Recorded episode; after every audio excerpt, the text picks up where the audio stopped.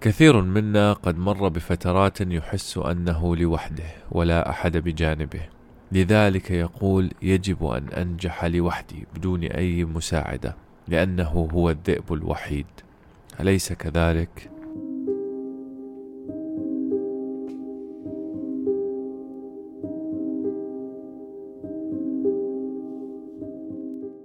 مرحبا أهلا وسهلا فيكم في سلسلة خطة النجاح. إذا كنت أول مرة بتشوف السلسلة أو بتشوف القناة ارجع للسلسلة اللي بتعطيك كيف تخطط لحياتك من أول خطوة لآخر خطوة. تكلمنا عن اختيار الأهداف ولماذا يجب أن ننجح والرغبة والإيمان. واليوم نتكلم عن تجميع فريق الأحلام. في الحقيقة إحنا مخلوقين وفينا فطرة الجماعة. من الصعب جدا أن نعيش لوحدنا. فما بالك بأن ننجح لوحدنا؟ لو شفت أنت مقاطع السابقة ممكن تقول إبراهيم أنت بتناقض نفسك. في عندك فيديو عن العزلة والخلوة وكيف لازم ما تكون حوالين الناس. الهدف كان من كلامي عن العزلة هو قدرتك على أن تستمتع بوقتك لوحدك وأن تفهم نفسك قبل أن تواجه العالم.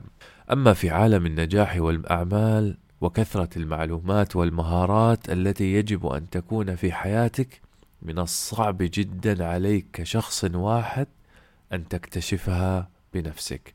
بل أن البشرية من آلاف السنين ساهمت في وصول هذا العلم لك عن طريق تناقل المعلومات. فمن الخاطئ أن تضرب عرض الحائط بكل ذلك أو كل ذاك العلم وتقول سأبدأ كل شيء لوحدي. لذلك يجب أن تستفيد من قدرات الآخرين. لكن تذكر أن تستفيد منهم لا يعني أن تعتمد عليهم بدون أن تعرف أي شيء أو تتابع ما يفعلون لأن الموارد بدون إدارة لن تعطي أي إنتاجية. كما قال الشيخ محمد بن راشد أزمة وطننا العربي هي أزمة إدارة وليست أزمة موارد. لذلك يجب أن تبني فريق الأحلام. فريق الأحلام سينقسم إلى قسمين أولا القسم الأول هم القدوة والأصدقاء والأهل والأحباب الذين سيدعمونك معنويا في هدفك ويحفزونك على اتباعه والاستمرار على الطريق الصحيح. في هذا القسم لن يكون كل من تحبهم فيه، بل انظر من هم من تقتدي بهم وتجد أنهم سيحفزونك على إنجاز هدفك. بمعنى اختر لك شخصية قوية تقتدي بها مثلا رسول الله صلى الله عليه وسلم. وإذا أردت شخصية من الحاضر اختر شخصية ناجحة مثل بيل جيتس أو الشقيري أو أي شخص أنت تقتدي فيه وبتختاره. ثم الخطوة الأصعب وهي أن تنتقي أصدقائك وأحبابك الذين ستستمع إليهم ومن تجد فيهم إيجابية ودعم لك. ولا تخف من أن تشطب بعض هؤلاء الأحباب والأصدقاء. يعني أنت حبيبي وصديقي ولكن بنفس الوقت لا دخل لك بما أعمل وبشو أسوي.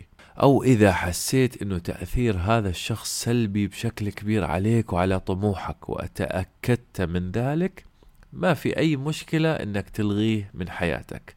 في فرق من إنك تكره شخص وإنك تعتقد إنه في شخص يجب أن لا يكون في حياتك لتأثيره السلبي عليك. يعني لا تحس بالذنب إذا اخترت نفسك اولا. ولا مشكلة في أن تهتم بنفسك وتختار من هم فيهم خير لك. وأنت لست مجبرا على إصلاح العالم. ولكن أيضا لا تحارب الجميع. يعني باختصار حاول تكون حذر بانتقاء أصدقائك وصفي من يؤثر عليك سلبا في حياتك. القسم الثاني هم الموارد أو المصادر التي ستحتاجها في مشروع نجاحك سواء بخبراتهم أو بتعليمهم وإرشادهم لك. إذا كنت تريد أن تتعلم شيئا اختر مدرب أو دورة معينة تعتبر الأفضل في المجال. وتذكر مش لازم تدفع فلوس للدورات. اليوتيوب مليان هاي الأشياء. لكن إحنا للأسف بنحب الأشياء اللي بنحسها غالية أو مش مجانية. طبعا هاي طبيعة بشرية على فكرة يعني مش كلام من تأليفي. هتكلم عنها في مقطع آخر إن شاء الله. وإذا احتاج مشروعك لشخص متخصص مثل محامي أو مبرمج أو أو أو اختر الأفضل في المجال إن استطعت. لأن الأفضل راح يأخذ فلوس أكثر ولكن هيرجع لك هاي الفلوس وأكثر. ولكن انتبه يجب أن تفهم ما يفعلون حتى لو بشكل عام وتتابع النتائج بشكل مستمر لأن هنالك الكثير من من يريدون نقودك بدون تعب والمال السايب بيعلم السرقة. أطلت عليكم في موضوع فريق الأحلام بس هذا لسبب لأننا مهما كنا نعتقد بأننا وحيدون ولا نتأثر بكلام الآخرين إلا أننا بأعماقنا نتأثر بطاقاتهم السلبية والإيجابية. إذا كنت صديقا لأربع أشخاص إيجابيين ستكون الخامس وإذا كنت صديقا لأربع أشخاص سلبيين ستكون الشخص السلبي الخامس. الحين خلينا نروح للجزء العملي من الفيديو. عليك اليوم إنك تفتح ورقة أو ملف الوورد اللي أنت بدأته وتبدأ تكتب فيه. واحد حدد الموارد اللي هتحتاجها لتحقيق هدفك. مين هتحتاج؟ شو هتحتاج؟ وهكذا. اثنين ابحث عن الموارد اللي هتتعلم منها وتحدد دورة أو سلسلة مقاطع على اليوتيوب وتبدأ فيها. وثلاثة حدد لي مين قدوتك الرئيسية.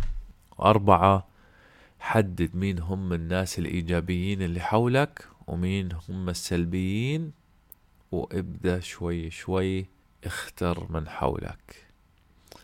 طبعا هذا الملف يجب أن تحدثه بشكل دائم ودوري لأنك ما راح تقدر تحصر كل شيء في جلسة واحدة.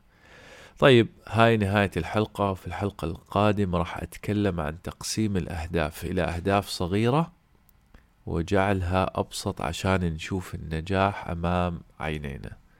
لا تنسوا تشتركوا في القناة وتدعموا الفيديوهات لو شفتوها كويسة وتشاركوها مع أصدقائكم. وشكرا جزيلا. يعطيكم العافية.